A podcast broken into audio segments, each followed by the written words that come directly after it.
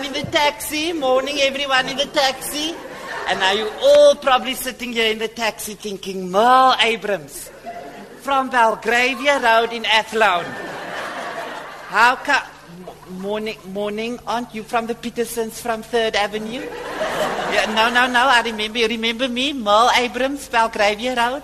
Yeah, yes, now, Mrs. Peters. now I know you moved. In fact, your ass was actually repossessed. Yes, just mind my, mind my carrier bag here with your feet, right? And now you're all probably sitting here in the taxi thinking, Merle Abrams, why are you taking a common taxi? No, no, man, not that your taxi is so common. The drivers are so gauw op hulle. No, the other day, you know, I took such a common taxi. Man, I get into the taxi and I'm sitting in front like I'm sitting now. You know, the drivers always keep a seat for me in front people can see class a mile away.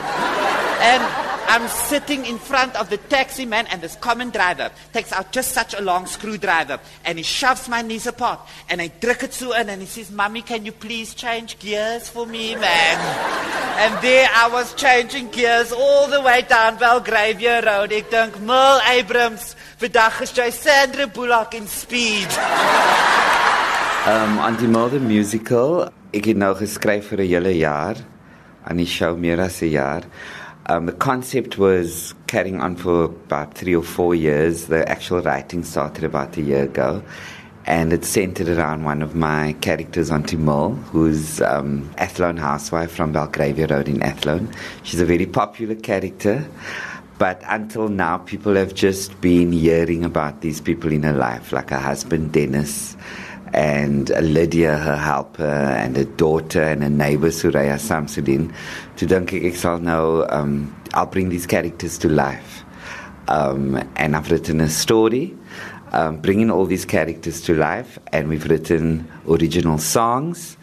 Um, and now we have Aunty Merle the musical. But now you're probably sitting there saying, Mo, but now why are you in a taxi? Because, you know, I mean, I don't have a transport problem at home, eh? Because my husband Dennis is doing very well. You know my husband Dennis. He's got his own business. He's a plumber. He's got three boys under him already, man. Three boys under him, man. I always now, of course, you know, the business is doing so well. We got two cars. We got the metallic green BM that we now use for special occasions. And then, of course, we got the white bakkie that Dennis now uses for work. Man, I always say to Dennis, Dennis, man, when you come pick me up at the supermarket and you happen to be having, you know, the old white bakkie, don't park so in front of the main entrance, man.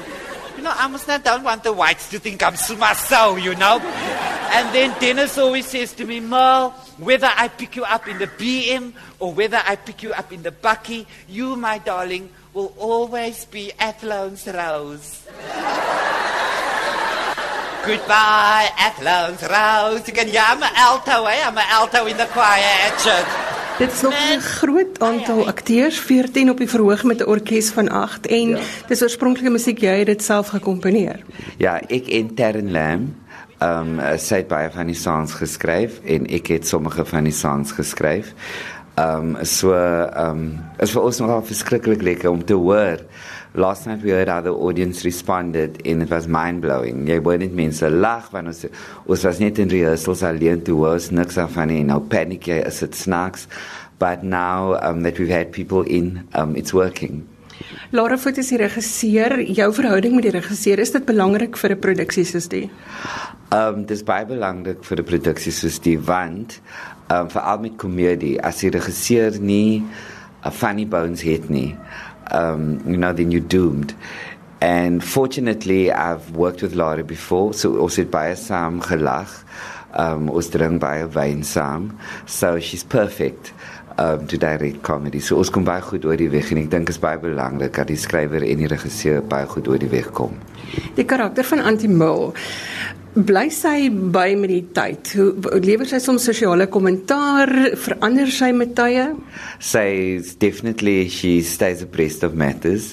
Um sy lewer kommentaar oor wat aangaan in die land. Um maar as Antimol always says you ag jene weet julle ek is mos nie baie vir politics nie. I don't like talking about politics. It's not biblical. So uh, mas mas mas ek weet 'n bietjie wat aangaan. So as mense hierdie show kom kyk sal hulle hoor wat sy te sê het was that you know there's certain throwaway lines and certainly with with the way Antimol presents herself um, she's kept up with the times. Het sy haar eie Facebookblad? Um nee, sy het nie eie Facebookblad nie, maar sy weet waarvan sy sê in die show I know about Google. You can type anything in Google. So um miskien sy sal nog daar uitkom. Can be so silly when you give me time, you know, when you give me time. But now you're sitting there and you're saying, Merle, but now how come you ended up in the taxi? Oh, my maid Lydia from Googs will be very upset. She's always saying to me, Madam Merle, you must stop taking the taxi. I've been trying to get her to stop calling me Madam for years now, but I never had the time, you know.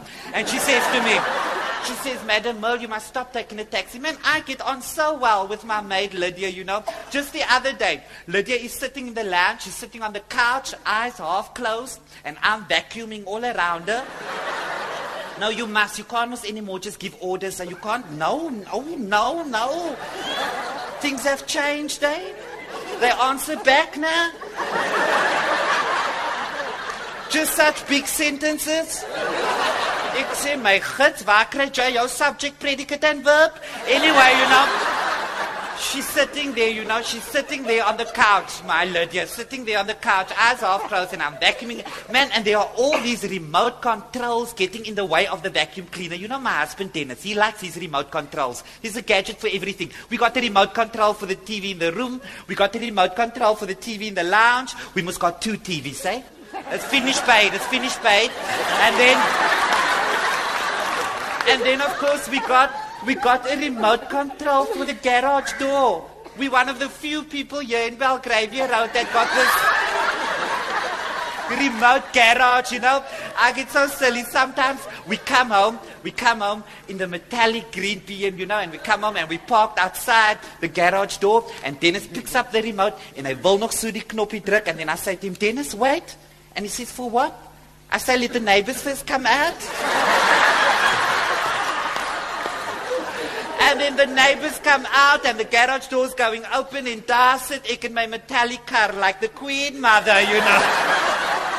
and if they look at me too long, I say, Fuchak, don't look at me, go pay your bonds, go pay your bonds.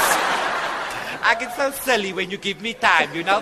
But wait, I'm vacuuming, I'm vacuuming in my lounge, I'm vacuuming all around Lydia, you know, and one eye is half closed, and I get so silly, and I pick up the one remote control, and I point it at Lydia. I say, hey, Lydia, fast forward, eh? Fast forward.